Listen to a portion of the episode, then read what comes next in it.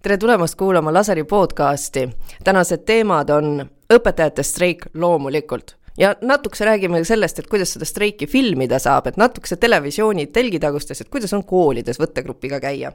siis äh, räägime veipimisest, millel peatume selle nädala Laseri stuudiosaates ja peamiselt siis sellega, et kuidas teha õpilastele ja noortele selgeks, et veip on tervisele kahjulik, ehkki see maitseb nagu nii hästi me räägime ka Threadsist ja Twitterist, et kõik Twitteri kõblad Threadsi ja püüame aru saada, kas, kas siis meie peaksime ka minema kõik sinna järele. jaa, just, ja stuudios on otse loomulikult Marii Karell. Ja Piret Tali. Ja ma saan aru, et kes selle nagu mõiste on välja mõelnud, et kõblad, et see on nagu nii eilne släng juba, et isegi mina saan aru, et see on niisugune eilane släng, et ükski kõbla ei ole digimaailmas. Eh, Twitteri kõba ja, ja. kusjuures sellega meil oli eh, pikem vaidlus eh, siselistis, et kas tegemist nimisõnana on kõbla või kõblas kõblas, ma arvan. loomulikult kõblas, aga pooled kolleegid arvasid, et see on kõbla ja siis küsida, aga niisugust sõna ei ole ju olemas. ma ütlesin, loomulikult niisugust sõna ei olegi olemas, kõblas on olemas ma saan aru, et tänapäeva noorte eesti keele haridus ja sõnavara on erakordselt väike, et selleks, et eesti keele õpetaja suudaks sel-, selgitada, mis asi on kõblas, peab ta sellele tahvlile joonistama või siis leidma inglisekeelse vaste sellele, et äh, noorukid saaksid sellest aru. vastupidi, kõplad on poest saadaval, mina võtaks kõpla kaasa ja laseks nagu noh, näidake ette, kuidas käib, eks ole. sellepärast, et teatavasti see haridus, mida sa saad ise käega järele teha ja ise katsetada ja eksperimenteerida, jääb sulle kõige paremini külge. nojah, aga tänapäeval ma saan aru, et koolides on rahulik, kõik aknad on pimedad, mingeid probleeme ei ole, et keegi tuleks kõplaga kooli ja sunniks sind midagi tegema. kuigi minu arvates ka Eestis on märkimisväärne hulk õpetajaid, kes ei streigi ja täiesti põhimõtteliselt ei streigi see hulk võib olla väike, aga minu jaoks selle streigi ma ütleks, et murdekoht oli eile, kui ma vaatasin AK-st siis, et kui palju õpetajaid käis Toompealt streikimas. arvestades, et ainuüksi Tallinnas on viis tuhat õpetajat, oleks võinud see Toompea esimene plats täis olla aga seal oli, ma arvan, maksimaalselt viissada õpetajat. et kus siis ülejäänud olid? Minu arvates on tegelikult selle asja kõige nagu parem osa see, et õpetajad õpetavad inimesi streikima, minu arvates nad oleks võinud oma palgaga alustada kümme aastat tagasi, et noh, sellega ei ole mitte nagu midagi juhtunud ja küsimus ei ole antud juhul ju mingisuguses seitsmeteistkümnes või seitsmekümnes euros, mida tahetakse juurde saada, vaid selles, et inimestel on suur töökoormus, suur vastutus, olulise ameti puhul puuduvad igasugused karjäärimudelid, aga keegi pidi ju selle streikimise otsa lahti tegema, et oleks vähemaltki nagu normaalne normaalsed ametiühingud. et noh, minu jaoks oli nagu müstiline see, et Eesti streigiliikumise hällis Narvas on ainsad, kes julgevad streikida kaheksa või üheksa Eesti gümnaasiumi õpetajat ja ülejäänuid seob komp-, see mis iganes kollektiivleping ja ükski nagu venekeelne õpetaja põhimõtteliselt ei streigi. ja kui ma juhtusin eile vaatama ka Ringvaate reportaaži sellest, kuidas Jüri Mutika käib tühjades koolides, ma vaatasin, et Tiina Meeri põhimõtteliselt kahekümne esimeses keskkoolis keeldub streikimast, sest ta on seal koolis käinud üksteist aastat, töötanud nelikümmend seitse aastat ja ta ei streigi mitte ühtegi päeva, sest ta armastab seda kooli mind oleks huvitanud ka reportaaž sealt Toompea nõlvalt, et mida need inimesed arvasid, kes seal kohal on ja mida nad arvavad nendest inimestest, kes kohale ei tulnud, sest et päriselt ka nagu, kui on streik, kes kõige rohkem praegu streigi tõttu kannatavad? pluss tööandjad. Hästi vahva on nagu, meie elu on kuidagi siin pea peale keeratud, on ju, mõtleme, mis, kuidas korraldada neid päevi laste jaoks, mida lõunaks anda kas nad tegelevad mingi mõistliku tegevusega? Ja siis äh, eriti raske on neil, kellel on väiksemad lapsed ja kes äh, tegelikult ei saa tööd teha laste kõrvalt. ehk et esimene klass ja lasteaiaõpetajate streik tundub, et siiski kolmapäevast algab ja ei jää ära, kuna kokkuleppeid ei ole jah, ma arvan, et see lasteaiastreik on kindlasti asi, mis nagu lööb oluliselt valusamalt, sest äh, igasuguse poolteismelise sa võid rahulikult internetti ühendada, et noh, ma ei tea, minu ajal,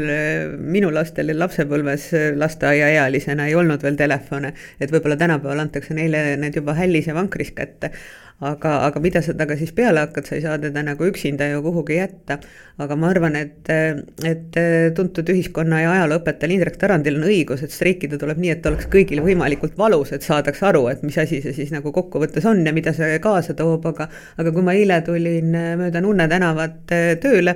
siis ma küll kohtasin sellist oktoobriparaadide vaibi, kus inimesed läksid Toompeale, olid rongiga Tallinnasse tulnud ja mulle väga meeldis nagu eilse streigipäeva reportaaž, mis mis oli tehtud Dublineri pubist, kuhu kõik õpetajad olid läinud ja, ja tundsid rõõmu sellest äh, toredast päevast, et noh, minu arvates nad on selle auga välja teeninud. kell üksteist olid pudelid avatud ja klaasid täis äh, jah, selleni otseselt reportaaž ei jõudnud, aga põhimõtteliselt küll, et noh, selles on ikkagi nagu mingisugust äh, mõnusat power'it. streiki, õpetajate streigi puhul on oluline selgeks teha, mille pärast streigitakse, on ju. alustame algusest kas streigitakse raha pärast? Ma arvan, et eh, katteta lubaduste pärast, mida on andnud eh, siis eh, valitsuskoalitsioon. aga kuidas siis on niimoodi, et kümme miljonit on puudu, kui raha pärast ei streigita? no selles mõttes on ilmselt see, mida on nõutud kokkuvõttes, et on nõutud alampalgaga seotud palgatõusu minu arust on nagu nukker selle streigi puhul, et tegelikult ei saa täpselt aru, mille pärast streigitakse, et kui streigitakse selle kümne miljoni pärast, siis kiire arvutus näitab, et okei okay,, et see on siis nagu kuuskümmend brutoeurot kuus, mis tähendab, et õpetaja pärast seda streiki võiks saada viiskümmend kaheksa eurot kuus rohkem palka no minu arvates on see nagu selline raha, mis ei tee kedagi nagu õndsaks, et küsimus on ikkagi ju nagu põhimõttelises küsimuses. et noh, kui hästi palju räägitakse ka sellest, et on puudu nagu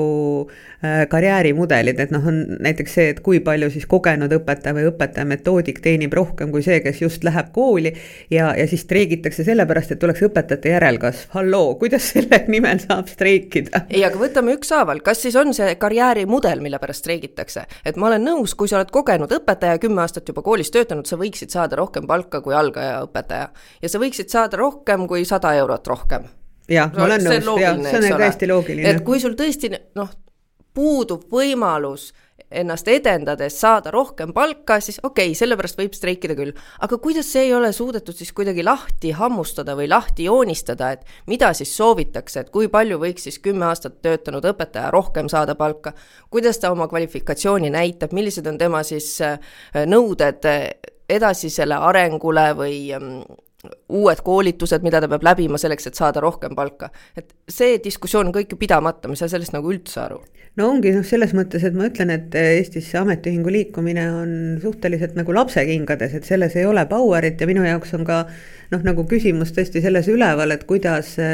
kui praegu on koolisüsteem veel ainus koht, kus saab nagu ühiskonda eh, tervikuna kõnetada, et sa saad nagu inimestele jagada mingeid väärtusi. Eh, noh, mis on nagu üheselt mõistetavad, noh kui praegu Macron räägib sellest, et Marseillais tuleks prantsuse koolides ruttu selgeks saada ja flirdib parempoolsete väärtustega, siis Eestis just nagu pedagoogid ongi ainsad eh, need, kes seisavad siis nagu põhimõtteliselt nagu riigiametnikena selle eest, et meil oleks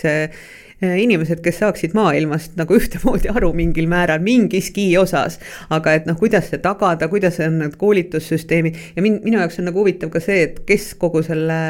pausi nagu kinni maksab siis tagantjärgi. et, et kas seda arvestatakse siis palgafondist, makstakse siis teile streigipreemiat või, või mida iganes, et, et kuidas see siis nagu töötab, et, et kas on tõesti nagu see, et, et sa oled nagu ametiühingusse mingisuguse Äh, hulga maksnud liikmemaksuna ja see toetab sind streigi ajal ja sa võidki lõputult streikida. aga ei ole nii ju, nad ei ole kogunud selle streigi jaoks ei ole, ei ole. ametiühingusse raha, et see on igas koolis ja igas omavalitsuses sisuliselt lahendatud erinevat moodi. Ja et kui Tallinnas õpetajatele, Tallinn on otsustanud, et nemad maksavad kolm päeva siis õpetajatele kinni streikimise eest, siis minu laps käib Tallinnas äh, erakoolis, mis teatas, et nemad maksavad kaks nädalat õpetajatele palka. Loomulikult nagu siis lapsevanemad erakoolist saavad seda kõike toetada, et kui küsitakse mult, kas ma toetan streiki, siis tundub, et rahaliselt toetan, ehkki mulle see idee on jäänud segaseks, et mille pärast täpselt streigitakse. et minu jaoks kõige rohkem kõneleb see streikimine seda keelt, et õpetajate koormus on tõusnud, väga palju on muret laste vaimse tervisega, millega õpetaja peab tegelema, pluss ka lapsevanemate vaimse tervisega, millega õpetaja peab tegelema. et õpetaja on seal kriiside keskmes, kogu aeg peab midagi lahendama ja ma saan aru, et see nõuab palju energiat, see teeb töötunde juurde, aga mulle tundub, et see viiskümmend kaheksa eurot ei aita seda probleemi lahendada no võib-olla see aitab nagu midagigi, kui sa oled nagu kanna maha toetanud, sest noh, arvestades seda, milline tohutu hulk on Eestis nagu madalapalgalisi inimesi, kes äh, tegelikult äh, töötavad vastutusrikates ametites, ma ei räägi nagu päästjatest või medõdedest või kellest iganes kolmandast, et, et, et noh, see on nagu hea võimalus ennast kehtestada ja ma arvan, et kõik tuttavad õpetajad on öelnud seda, et lastega on väga lihtne hakkama saada, aga vanematega on raske, selles mõttes, et see Eh, halb kliendisuhe, mis tuleb nagu ühiskonnast eh, kooli kaasa, on eh, väga, väga väsitav, et sa ei jõua nagu kirjutada veel märkust või, või panna negatiivset hinnet, kui sa tead, et juba on õpetaja ukse taga. sest üks minu tuttav matemaatikaõpetaja ütles, et ta ütles oma klassi lapsevanematele, et, et peale kella kümmet ei ole mõtet mulle kirju saata, kui te olete sõbrannaga pudeli veini ära joonud ja mõtlete, et ütleks õpetajale, mis te asjast arvate. Väga õige ja üks minu tuttav õpetaja ütles, et see on kohutav, kui ta läheb esmaspäeval tööle siis noh, muidu on niisugused lapsed, lastel on tähelepanuhäired palju tänapäeval, on ju, ei suuda keskenduda, siis äh, neil noh, tunduvad mures, ei ole rõõmsameelsed, ei taha õppida, siis läheb esmaspäeval tööle ja küsib laste käest, et aga millega tegelesite nädalavahetusel. ja siis vastused tulevad, et mängisin Minecraftis, Robloxit, siis mängisin veel mingit mängu ja sellised vastused iga jumala nädalavahetus. Et ei käidud muuseumis, ei käidud, ma ei tea, matkamas, suusatamas, vanematega kinos, kuskil veel midagi koos tegemas jah, aga noh, tegelikult ongi nagu see, et eh, kui, kui sageli oli näiteks seesama skandaal, mis on ühiskonnas, et inimesed ei oska teatris käituda, siis paljud lapsed satuvadki võib-olla esimest korda teatrisse klassiga. ja, ja siis, kui Estonias kirjeldati seda, et oli toodud, eh, ma ei mäleta, mis koolist oli see lasteklass, kes siis eh, peitis ennast peldikusse ära ja piletöörid ajasid taga neid ja õpetajad läksid saali, sest nad ei suutnud neid lapsi hallata, et kui balleti ajal visati numbreid maha ja istuti telefonides või võeti jalanõud ära ja pandi need eelmise seljatoe peale, siis tekib nagu küsimus, et eh, kuidas siis nagu koolisüsteem suudab hallata ära selle vanemate tegemata jäänud töö? jah, ja peab tunnistama, et ka meie koolis me oleme saanud kirju, kus äh, lapsed on käitunud e-, ebasobivalt muuseumis või kinos või teatris, et mulle tundub, et see on nagu iga klassi argipäev, et see ei ole mingi üks kurioosum, mis on sattunud meediasse siis tõepoolest, et inimesed ei oskagi käituda, aga mis, mis see lahendus võiks siis olla, et kas me saadame siis vanemad kooli või? sest mina mõtlesin alguses, et lahendus võiks olla justkui, et me peaks selle haridussüsteemi ümber ähm, tegemisele vaatama laiemalt ja vaatama pikemas plaanis, et meil ei oleks see kaheksateistkümnenda sajandi kool, mida ka president Kaljulaid ette heidab. et ainus koolimudel ja õppimise mudel ei peaks olema see, et õpetaja seisab tahvli ees ja siis kõik tõstavad kätt ja täidavad töövihikust ülesandeid. et see väga paljudes koolides veel siiamaani on ja eriti eliitkoolides, et eile ma kohtusin just äh, haridustehnoloogiga, kes siis uurib seda, et kui palju on Eestis ebavõrdsust hariduses ja on teinud oma uurimustöid, võrrelnud nii eliitkoole, eestikeelseid koole, venekeelseid koole, et see noh, et see see asi, mida meie õppisime nelikümmend aastat tagasi koolis või kuuskümmend aastat taba, tagasi koolis, see kahjuks jätkuvalt on äh, valdavas osastes Eesti koolides õppimisviisiks.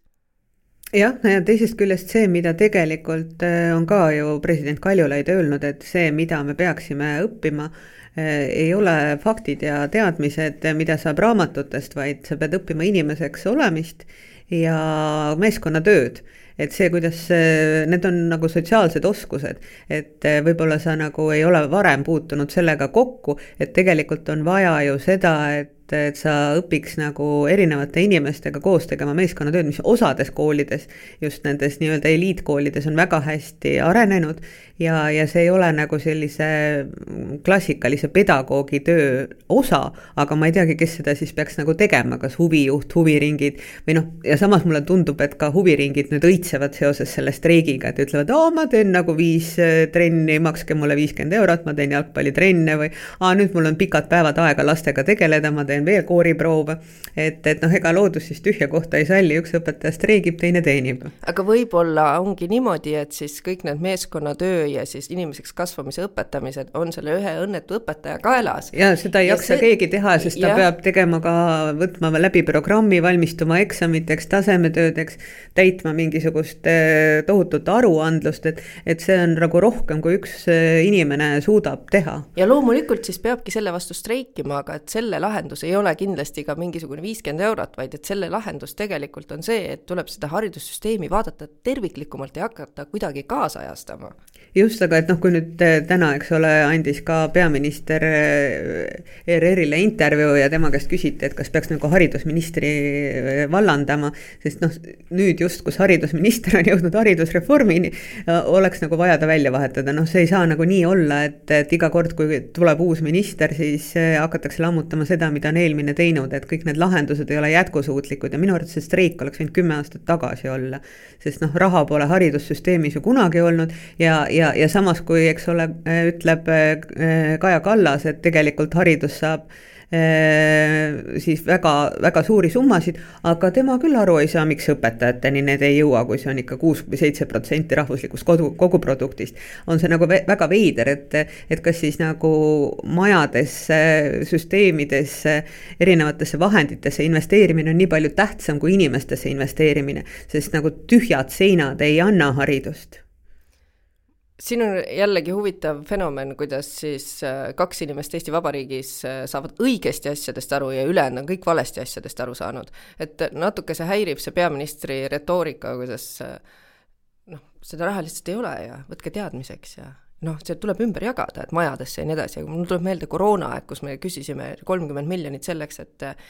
koolimajad saaksid endale normaalse ventilatsiooni ja õpetajad ja õpilased ei oleks kogu aeg haiged, mis jär-, järjekordselt suurendab koormust õpetajatele, direktoritele ja koolisüsteemile, kui lapsed ja õpetajad on haiged ja sa pead kogu aeg tegelema mingisuguse tulekahju kustutamisega, siis seda raha ei leitud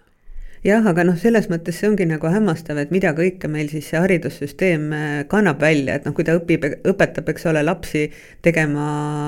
koroonateste, kui ta õpetab lapsi prügi sorteerima, kui ta õpetab lapsi üks, üks, kahte helistama, kui ta õpetab erinevaid kodanikuühiskonna väärtusi ja, ja kui seda kõike nagu sellisel kujul ei oleks, et mis meist siis nagu, nagu ühiskonnana saab ja see kõik nagu toimub ju mingite nagu kampaaniate korras ja noh, kui eile neid reportaaže tehti üle Eesti nagu nendest tühjadest koolimajadest, siis äh, see ei teki seintest ega vahenditest, see tekib ikkagi nagu nendest inimestest, kes seal on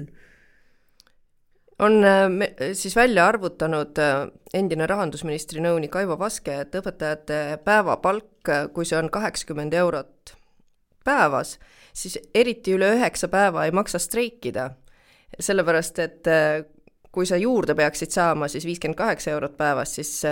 pärast üheksandat päeva lõpetad miinusega, see lihtsalt nagu rahaliselt ei tasu ära. et ma ei kujuta ette, palju see streik siis nagu tegelikult kestab. ja et kui palju siis on valmis need õpetajad nii-öelda tulevase raha nimel äh, tasuta streikima, sest valdavates kohtades ei maksta seda kahte nädalat äh, küll kinni. jah, selles mõttes ma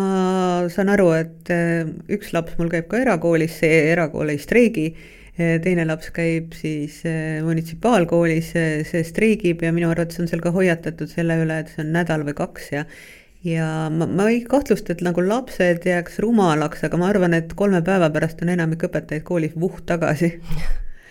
ma pakun, aga see on minu niisugune talupojamõistus täpselt samamoodi, nagu me loodame paljudes ühiskondlikes küsimustes, et kool teeb lapse korda, me loodame ka seda veipimise puhul ja veipimisest räägime me sellel nädalal Laseri stuudios ja väga paljud lapsevanemad on pöördunud koolide poole ja öelnud, et aga ma olen kuulnud, et teil müüakse veipe, tehke midagi. või siis, kui õpetaja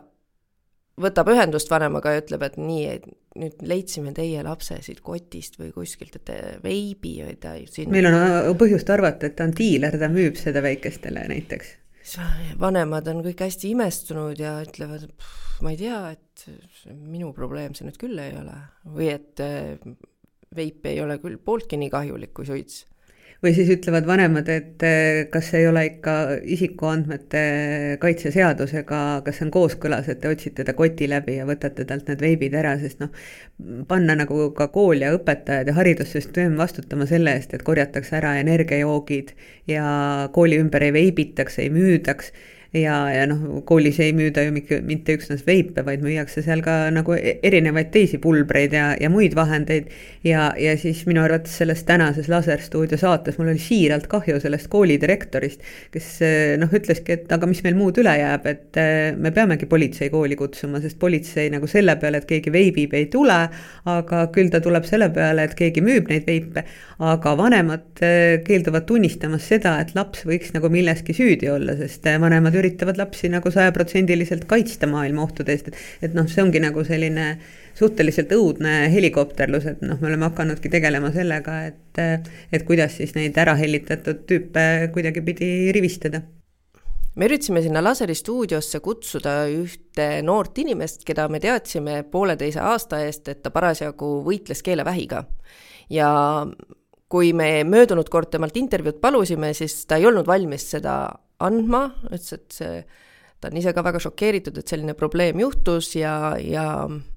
ja nüüd me tahtsime teada, et kuidas tal läheb ja et kas ta oleks valmis oma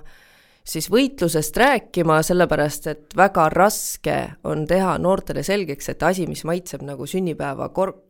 kork. sünnipäevakook, jah. sünnipäevakook või sünnipäevatort või mis nagu on latte või suhkruvott või, või banaan või noh, mida iganes nunnut ja hästi lõhnavat. et asi, mis maitseb nii hästi, võib tegelikult olla mürgine. ja siis äh, sa suhtlesid äh, selle noore inimese arstiga. jah, ma suhtlesin selle arstiga, sest äh, selgus, et äh, ma millegipärast arvasin, et tegu on mehega või poisiga ja, ja ta on oluliselt noorem, aga selgus, et tegu oli kahekümne nelja aastase noore naisega ja ta oli suitsetanud selleks ajaks kuus kuni kaheksa aastat ja noh, mitte ainult siis elektroonilisi sigarette ja, ja, ja ma suhtlesin tema nagu raviarstiga, kes oli nina-kurguarst, kui ka siis äh, Tallinnas siis juba onkoloogiga ja, ja nad ei suutnud öelda, kas see on sada protsenti nagu seotud sellega, et ta veipis. noh, ilmsel-, või on see seotud sellega, et ta suitsetas või keelevähk ongi nagu väga agressiivne, aga noh, fakt on selles, et et veibi mõju ei ole Eestis piisavalt uuritud, et kui me eelmine aasta seda lugu tegime, eh, siis kopsuarst, kellele ma helistasin, ütles, et ma töötan materjalid läbi, noh nagu laseri lugudega sageli on, et kõigepealt me püstitame probleemi ja ja siis me tekitame selle probleemi ka ülejäänud inimestele, kelle, kes ei ole veel sellest probleemist teadlikud. ei, ma ei ole päris nõus, selles mõttes meie ei püstita probleemi, see probleem on enne olemas, me lihtsalt osutame talle valusalt ja teravalt ühe kindla küsimusega. just, aga et noh, selles mõttes, et noh, see Ameerika statistika näitab seda, et on veebisurmasid, nagu, nagu on ka Eestis, et noh, ma ei tea, kui me oleks saanud selle, võib-olla need läbirääkimised kestavad selle perekonnaga, et, et, et noh, ilmselgelt eh, oleks tema protsent eh, või võimalus surra olnud palju väiksem, kui ta oleks jätnud nii sigaretid kui veibi ära. jah, sest eh, kurb lugu on see, et tütarlaps, kahekümne nelja aastane, siis kaotas selle võitluse ja tänaseks ta on surnud just, et, et ja noh, perekond ei ole valmis sellest rääkima ja, ja noh, samas Ehm, keegi ei saa ju ka vähi puhul öelda, et mis on selle sajaprotsendiline põhjus, aga noh, fakt on selles, et perekonnas seda anamneesi ei olnud nii palju, et oleks nagu onkoloogilisi haigusi seal olnud, aga et, et veibi mõjust me ei tea nagu piisavalt palju ja, ja see keemiline kahjustus, mida kopsudele tehakse, on nagu nii suur ja, ja, ja siis me puutusime ju ka sellega kokku, et tegelikult on lobi, mida on tehtud parlamendis ju väga suur, et, et neid on algusest peale, on neid veipe täiesti valesti turundatud, et neid on turundatud kui ohutut alternatiivi suitsetamisele ja mingisuguses ühiskonnagrupis nagu noored naised, keda sa näed tänaval lõputult veipimas, sellised eh, kunstripsmetega ja, ja noh, ilmselgelt nagu trendikad tütarlapsed, et sa eladeski nagu ei kahtlustaks, et nad eh, tervisekahjus, kahjuliku tegevusega nagu vilje viljeleks seda. aga et kui ma proovisin ka ise eelmise aasta seda lugu tehes eh, tarvitada veipi, mis oli tõesti mingisuguse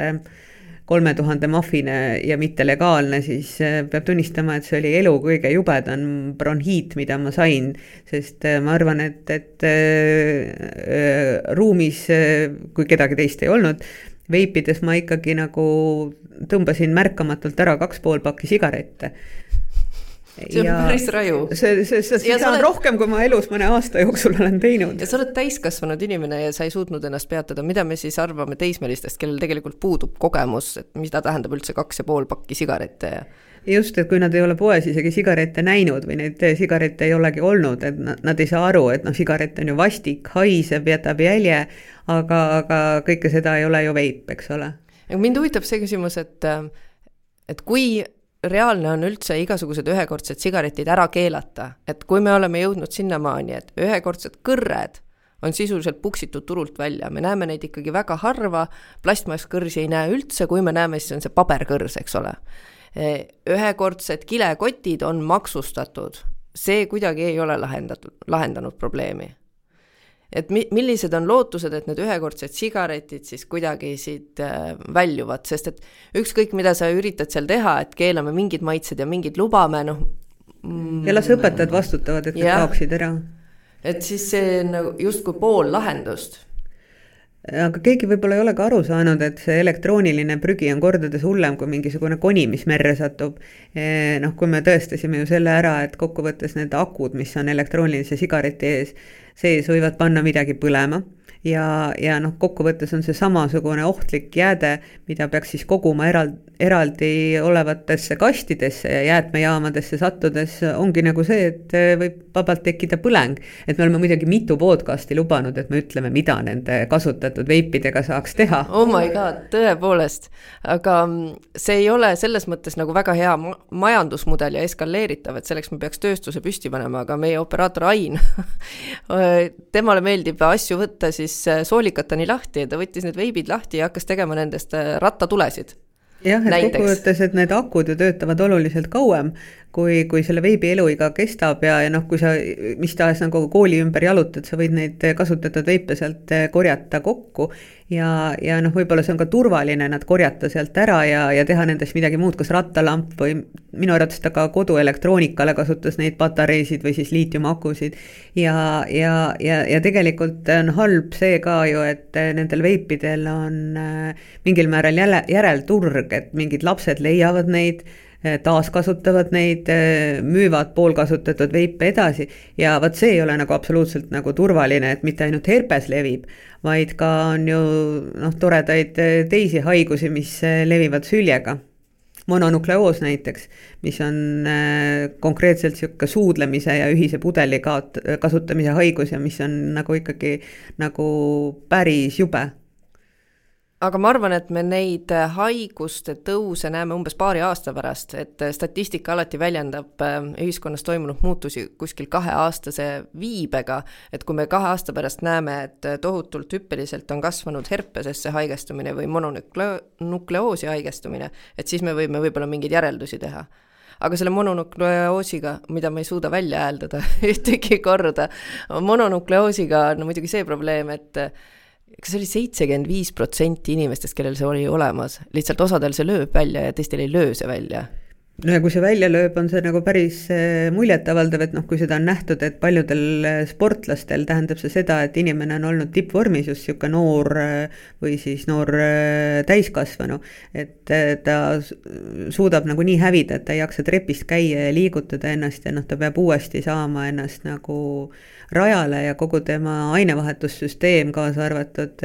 kilpnäärmed ja noh, see on nagu mm, ei tööta enam normaalselt. Ja noh, see on võrreldav tegelikult selle pika Covidi mõjuga ja, ja tegelikult seda mononukleoosi ka ei diagnoosita eriti palju, sest äh, inimesed ei saa sageli teada, et miks nad on nagu totaalselt väsinud, kurnatud ja ei suuda hakkama saada enam sellega, mida nad võiksid teha. aga kuidas seda diagnoosima üldse vereproov. vereprooviga? ja, ja aga kui sa, kui, kui, kui sa ei küsi seda vereproovi, siis, äh, siis sa ju ei saa ka seda teada, et see on ja noh, ravi selleks ei ole, ta on tõesti nagu herpes, et ta on su organismis olemas, aga noh, ilmselgelt sa ei saa seda nagu õhu õhust, vaid eh, süljenakkusega nii, aga tahaks natukese lõbusamate teemadega edasi minna ja räägiksime natukese sellest, et milliseid eh, suurepäraseid meelelahutus üritusi on tehtud siis seoses kuulsate seriaalidega ja kuulsate filmidega, et sina käisid eile teatris ja olid neli tundi seal, see on väga vanamoodne. Jah, ma saan aru, et see on erakordselt vanamoodne. Ja, ja peale selle ma äh,, ma vaatasin siis äh, Draamateatris, ma ei tea, kas ma ütlen õigesti, kas see oli vend, vend Antigone, õde Oidipus või õde või ema või mis iganes, aga et noh, kuna tegu oli Kreeka mütoloogiaga, siis kõik seal kõigiga paljunesid. aga, aga noh, kuna oli väga väärikas etendus, Alar Karis viibis kohal ja, ja nii edasi ja. president Alar, vabariigi president. vabariigi Alar. president Alar Karis ja, ja noh, of course hakkas ka etendus muidugi eh, viieminutise streigiga.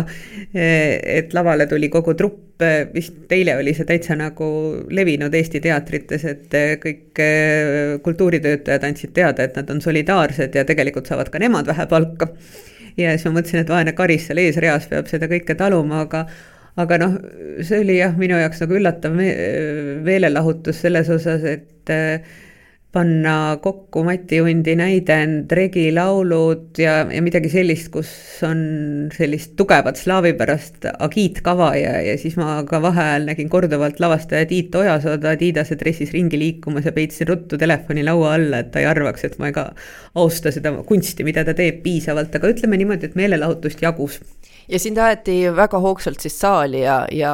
noomiti, et kui sa peaksid hiljaks jääma, siis trupp ei saa alustada ja. ja, ja ma tundsin kasvatus... ennast põhimõtteliselt nagu klassiekskursioonil jah, et mingil hetkel ma ei olnud veel jõudnud oma kohvi veel rindu tõmmatagi kohvikus, kui öeldi, et trupp tahab lavale minna, kolme minuti pärast hakkab etendus, minu arvates oli seitse aega, aga aga see toimus niimoodi täpselt iga vaheaegaga, noh, põhimõtteliselt sa said aru, et sa oled külaline, kes peab jälgima väga karmilt reegleid, aga noh,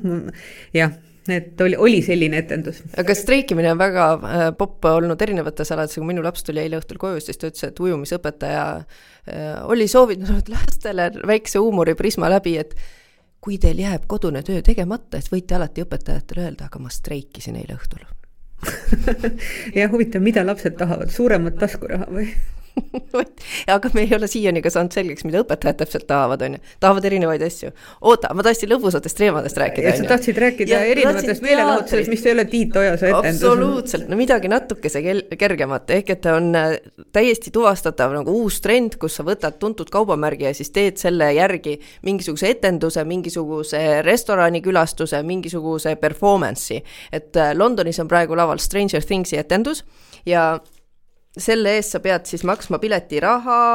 eh, kakskümmend naela, mis on noh, enam-vähem niisugune kakskümmend eurot ja siis sa võid näha siis, kuidas siis laval on püütud kogu seda müstikat teha, kuidas mingisugused mustad jõud tulevad eh, teispoolsusest ja upside down world'ist ja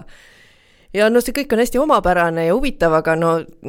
kunsti... Londonit arvestades võiks arvata, et tegu on mingi lollaka muusikaliga. ei ole, aga kunstikriitikud sellest hoolimata seda ei soovita, aga ma rõhutan, kakskümmend naela, ma ei kujuta ette, palju sa oma neljatunnise Antigone ja Oidipuse eest maksid ma arvan ka, ma arvan, et sa maksid oluliselt rohkem. aga see Stranger Things on ju sihuke unustatud asi juba mõnes ei, mõttes. see et... elab, vaata asja mõte ongi see, et kui sa nagu suudad seda hoida elus sellel ajal, kui tuleb uus hooaeg, on ju, et siis sa saad ju raha. muidu sa ei saa mitte ühtegi senti, aga sa müüd seda kaubamärki, sa teenid selle pealt, et näed, nüüd on etendus ja sa hoiad eh, seda kogukonda koos, mis eh, fännas seda Stranger Things'i ja nad lähevad teatrisse. ja nad lähevad teatrisse ja siis nad seda suurema hooga ootavad seda järgmist hooaega, on ju.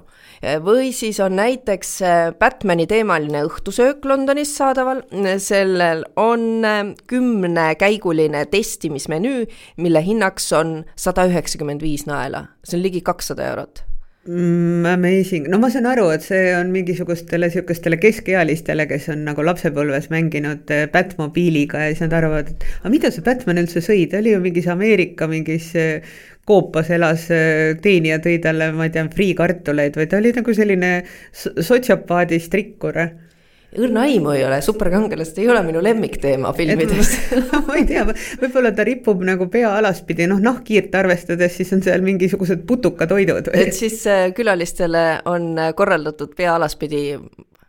mingisugune kilgimenüü, sa arvad? jah, see on huvitav. see kõlab täiesti huvitav, et. see on huvitav, ma arvan, võib-olla me peaks minema komandeeringusse. jaa, ja kahesaja euro eest selle järele vaatama, mida seal pakutakse, eks ole, ma arvan, see on huvitav. nii, aga Los Angeleses eh, sa saad eh, proovida siis eh, Squid Game'i performance'it ja sa saad omal nahal siis proovida läbi kuus erinevat mängu.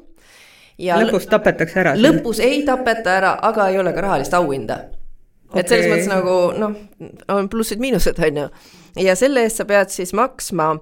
kolmkümmend üheksa dollarit, mis on ka siis umbes kolmkümmend üheksa eurot, on ju. ja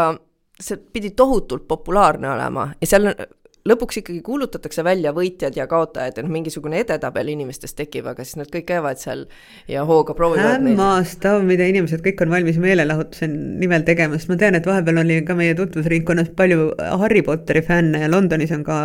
filmistuudios on Harry Potteri maa, kus sa saad eh, tekitada selle variandi, et sa saad eh, nii, eh, lennata luua seljas ja taga on rirr ja siis sa saad võiõlut osta ja, ja kõiki neid muid asju, mis seal olemas on ja, ja kokkuvõttes kõik, mida nad seal said, olid lõputud järjekorrad, sest noh, siis oli Harry Potter nagu täiesti üleval, aga, aga et ja siis oli ka minu arvates mingi James Bondi nagu öö, kogemus, et sa said nagu viljeleda seda, et sa nagu filmi kohtades said ennast kogeda nagu James Bondina, et noh, tõesti miks mitte, kuigi ma tahaks teada näiteks, mis oleks Eesti vaste sellele, et ma saan aru, et siia tuuakse küll aeg-ajalt mingisuguseid Lord of the Ringsi teemalisi sümfooniakontserte või tuuakse mingisugune uisu show, kus on, ma ei tea, pähklipureja või elevant Dumbo või Lotte või mida iganes, aga aga noh, võib-olla see on ka mingisugune asi, mis nagu kõnetab põlvkondade üleselt ja on võimalik õppida ja areneda. aga nendesse Eestisse toodud Lord of the Ringside ja muude kangelastega on alati see, et äh, sa kunagi ei tea, et kui autentne see on või mis trupp seda esitab, et kas seda esitab nagu Eesti mõttes Kapa-Kohila kohalik rahvaansambel või see on päriselt ka mingisugune suur asi. või siis, ähm, et kas see raha siis, mis sa hakkad selle eest välja maksma, sest et äh, minu arust kõik need piletid algavad umbes kaheksakümnest eurost. et me ei räägi siin kahekümnest või neljakümnest, me räägime kaheksakümnest, mis on väga-väga suur sest minu arvates üks tuttav äh, kaebles justkui aasta lõpus olid need Lotte etendused ja ta pidi seal, ma ei mäleta, kellele ja miks jagama mingisuguseid pakke laiali, äkki see oli mingi heategevusprojekt äh, paljulapselistele peredele. ja siis ta ütles, et äh, tegu oli suure kontserdihallis toimuva üritusega, aga kuna piletid olid nii kallid, toodi kohale köhivad lapsed ja siis ta mõtles, et kas ta peaks nagu jagama neid asju maskiga ja siis ta nagu kihutas omale sisse tohutuid igasuguseid immuunsust toetavaid vahendeid, et ta nagu pärast seda perekonna jõuludeks ei sureks läkaköhasse, sest ta ütles, et noh, sellist nagu massi haigeid lapsi nagu sellel üritusel ta pole nagu ammu näinud. Aga vahetame siit teemat ja läheme edasi laserteki teemadega, et meie Youtube'i kanalis on äh, mitu väga vahvat lugu ja ma tahaks juhtida kahele neist tähelepanu. et üks äh, puudutab siis Threadsi ja seda, et äh, mitmed Eesti Twitteri kuulsused on Threadsi kolinud ja tahakski teada, et kas seal Threadsis on siis parem elu kui Twitteris. et Twitter omal ajal sai alguse ju ja kuulsuse seetõttu, et ajakirjanikud ise tundsid, et see pakub neile mõnusat platvormi, kus nad saavad näidata, et ajakirjanik on ka inimene tal on mingi arvamus, tal on huvitavad faktid ja, ja andsid seetõttu sellele Twitterile huvitava sisu. omapärasel kombel Twitteri siis kuulsusele andis väga palju kaasa ka Donald Trump ja Elon Musk jah, Trump suutis ikkagi Ameerika poliitikat juhtida nii mõnegi tweetiga ja minu arvates Eestis andis sellele tohutult nagu Tehai. Toomas Hendrik Ilves ja, ja, ja kes hakkas viljelema seda mõistet nagu Twitteri avangard. jaa, aga see oli noh, puhtalt Trumpilt pärit, et Trumpi siis äh, Office avastas nii mõnigi kord mingisuguse uue ettepaneku hoopis Trumpi Twitteri kontolt, mitte mingisuguselt koosolekult. aga Eestis on täitsa tavaline see, et paljud inimesed loevad oma erakonna poliitikast ajalehest või mingisugusest sotsiaalmeediast, mitte ei kuule sellest koosolekutel. no ja siis lõpuks juhtus Twitteriga niimoodi, et ta sai halva maine täpselt nende samade siis inimeste kaudu endale külge ehk Donald Trumpi ja Elon Musk'i kaudu no ma arvan teisest küljest, eh, kui mingisse kohta koguneb piisavalt palju kriitilist massi, näiteks minu jaoks on selle koefitsiendiks meie korteriühistu hull, et kui see tekib kuhugi sotsiaalmeediasse, on ilmselgelt aeg sellest lahkuda. Kas ta on juba Threadsis? ei, ma arvan, et ta ei ole Threadsis, ma ka suhteliselt nõrga Instagrami kasutajana tegin omale Threadsi, sest ma sain aru, et see on jube popp variant, aga kuna algoritm ei suuda aru saada, mis on minu huvid ja keda ma jälgin, siis ma saan seal noh, enam-vähem nagu kassi ja loojuva päikese pilte ja ma näen seal lõputut Daniel Vaarikut, kes ütleb, et kui sa Levilat tellid, siis sul ei ole laupäeva hommikul pärast pidu pohmelli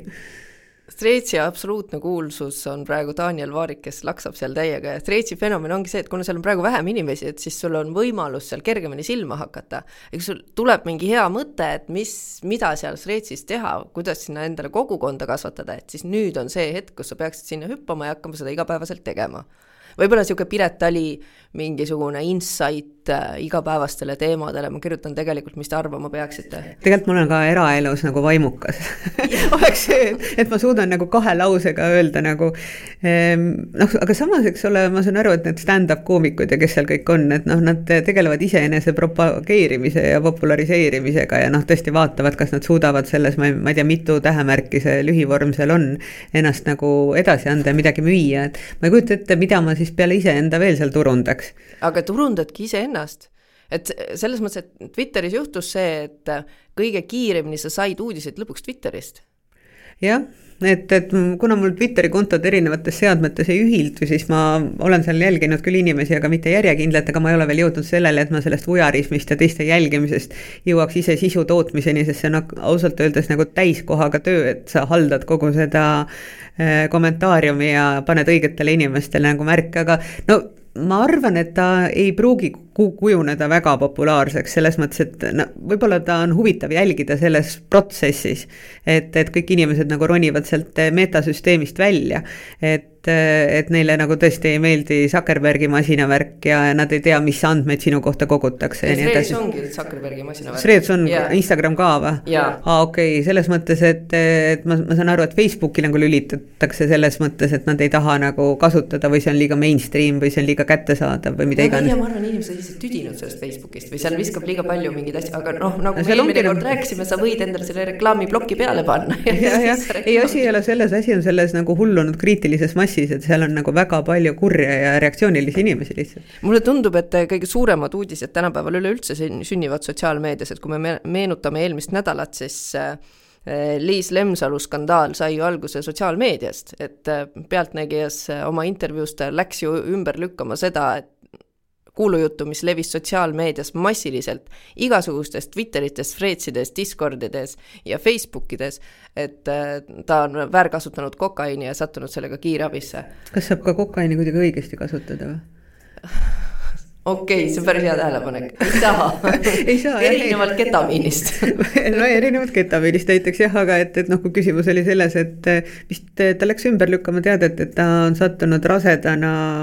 üledoosiga haiglasse. Yeah.. aga et noh, minu arvates oli see nagu suhteliselt noh, hambutu intervjuu, kus alles sa pidid vaatama tükk aega nutmist, et jõuda lõpuni, kus küsiti ära need kolm küsimust, mis sind tegelikult huvitaks. ma ei saa aru, kas see Pealtnägija on niisugune nagu rahvuslik pihitool, et kui kellelgi on nagu mingi mure, et ta on nagu väärtarvitanud aineid, et siis ta läheb ja nutab nagu Mihkel Kärmasere väärimärjaks. jaa, aga selles vist ongi praegu eh, päris ajakirjanduse mõte et äh, sa. et sa esined äh, paljastuse pihtimusega, et see ei ole nagu mingisugune,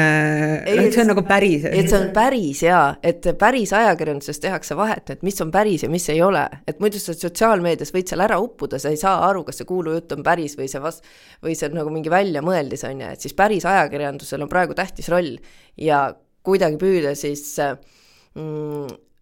arusaadavaks teha vaatajatele, kas teema on relevantne, kas ja kuidas sa peaksid sellesse suhtuma.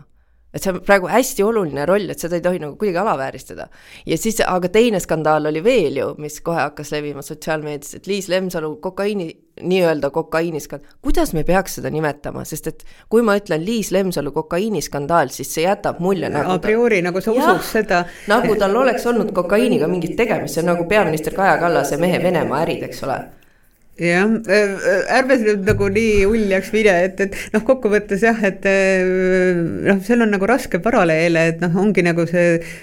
tõejärgne ühiskond, et noh, keegi täpselt ei tea, mis see tõde on ja, ja siis nagu see, kes viiman-, viimasena selle defineerib, et selle käes on siis nagu tõe monopol. aga tegelikult ju, kes esimesena defineerib, selle käes on tõe monopol. jah, selles kes mõttes, aga räägib. see teine skandaal, millest sa tahtsid rääkida, oli ka päris põnev, mis levis sotsiaalmeedias, ma ei tea, kust, kust, kust ja mida teie vaatate, aga mina mina. minu uudiskünnist ei ületanud neist kumbki ausalt öeldes. ühesõnaga,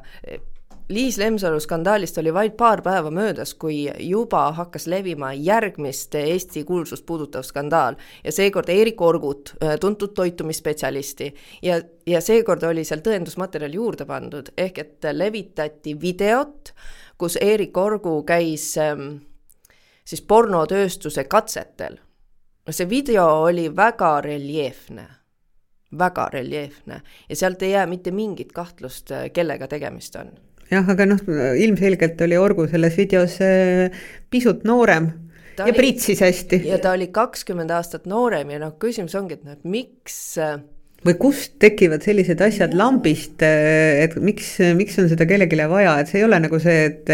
üks või teine suunamudija sattus ups nagu sellise materjali otsa ja siis hakkas seda levitama ja siis läheb lahti mingi tohutu catfight, et kes ütles, kes paljastas, kes kommenteeris, kes vabandas, kes solvas ja, ja siis kõik need kontod, eks ole, nagu elavad sellest.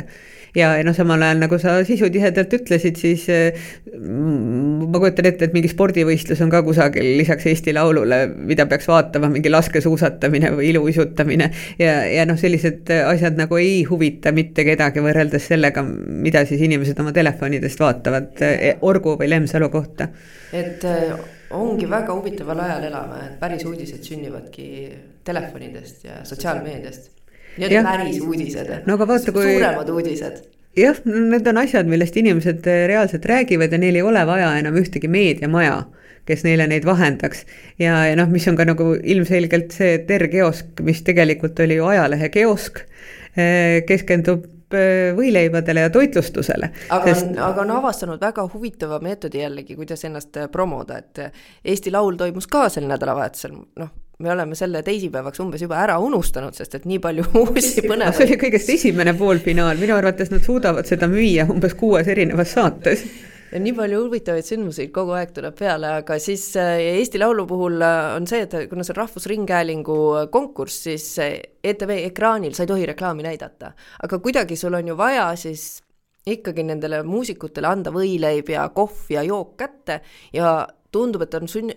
sõlmitud väga huvitav kokkulepe R-kioskiga, sest R-kioski TikToki kontol me näeme, kuidas on järjest postitatud siis äh, videosid sellest, kuidas Viis Miinust proovib mingit Ingveri jooki, siis mingid järgmised äh, Eesti Laulu lauljad proovivad mingit võileiba või mingit kohvi jah, et, et seal on nii traffic kui seal oli veel mingisuguseid tegelasi, et see, see oli nagu mõnes mõttes hämmastav, et et mul on tunne, et nad on võtnud ette mingi suurema TikToki kampaania. ja et siis ongi, et see, et Rahvusringhääling ei saa vastu võtta justkui reklaamina seda R-kioski oma ekraanil näidata, aga see on okei okay,, kui R-kiosk tuleb sinna Eesti Laulu kohale äh,, omalt poolt garanteerib so-, söögid-joogid, ma ei tea, sooja supi vajadusel ja siis saab seda Eesti Laulu brändi ja neid lauljaid oma kontodel ja oma promomiseks kasutada siis TikTokis. see on väga huvitav, väga huvitav lähenemine. sest peab tunnistama, et ma lisaks sinule olen teinud ka ühte videopodcasti, kus ka R-kiosk toetas seda. ja ma olin küll väga urmatud, kui küsiti minu käest, et millist kohvi ja siis minu tellitud kõikide lisanditega, eranditega kohvi toodi õigeks ajaks ja siis mitu karpi erinevaid salateid, ma ei ole küll eriline karbisalati sööja, et ma eelistan selle nagu ise omal kokku panna. aga, aga noh, tundub, et läbi suunamudijate sa võid nagu saavutada seda kordades rohkem, sest noh, üks kummalisemaid videosid selle Eesti Laulu ja R-kioski kampaania osas oli vist Joel Ostrad ja kas mitte ei olnud seal äh, noor laulja Anna, kes siis ka tegid erinevaid karpe lahti ja vaatasid, mis võileibade sees on ja siis lõpuks sõid ära. me oleme ise natukese nagu, ma ei tahaks öelda lollid, aga siiski vist tuleb tunnistada, et antud hetkel meid üldse R-kiosk ei toeta. jah, me peame nagu ise omale võileiba ostma, muidugi ma tahaks näha, kuidas nagu sellises audio podcast'is võileiva söömine välja näeks kus Aa, seda ei näidata. see on, see on ASMR-A, eh, mis, kuidas see nagu, see on uus trend on ju, ASMR eesti keeles ja siis eh, sa teed niimoodi kas oli kuulda, mis sa teed? erinevaid, erinevaid helisid. aa, just, et see võileivapaber. ja sa krõbistad ja siis kuulaja saab välja mõelda, kas sa võtsid välja vorsti või juustu. järgmisena me võiks teha kabanussi testi, et kas lirtsub hamba all. ma nägin seda ka R-kioski TikTokis, sa pead pimedalt tõmbama mütsi pähe ja siis hammustama erinevaid vorste aga igal juhul sul on selle kõikide selle sotsiaalmeedia tarbimise jaoks sul on vaja ju pädevat telefoni ja üks huvitav tekilugu, mis me Youtube'i sel nädalal tegime, räägib sellest, et kuidas järelturult telefoni ostes mitte petta saada. ja oma suureks üllatuseks avastasime, et ükskõik, kas sa lähed Facebook Marketplace'i või pandimajja, siis see pettuse ohvriks langemine on väga tõenäoline et meie loost siis näeb, et missuguste pättide otsa me koperdasime ja mis, missugused ohud sind veel varitsevad, kui sa kavatsed osta nagu veits odavama, aga päris hea pilli veel. aga millega sa siis ikkagi nagu petta saad saada? et noh, telefon on ju telefon kokkuvõttes. no sa ei pruugi seda telefoni kätte saada. aa, okei okay,, okei okay,, okei okay.. aga see on väga põnev lugu. no see on Youtube'is meil näha ja Laseri stuudiosaateid näeb TV3-st teisipäeviti pool üheksa ja meie podcasti igal teisipäeval lõunaks üleval. kohtume taas. kohtumiseni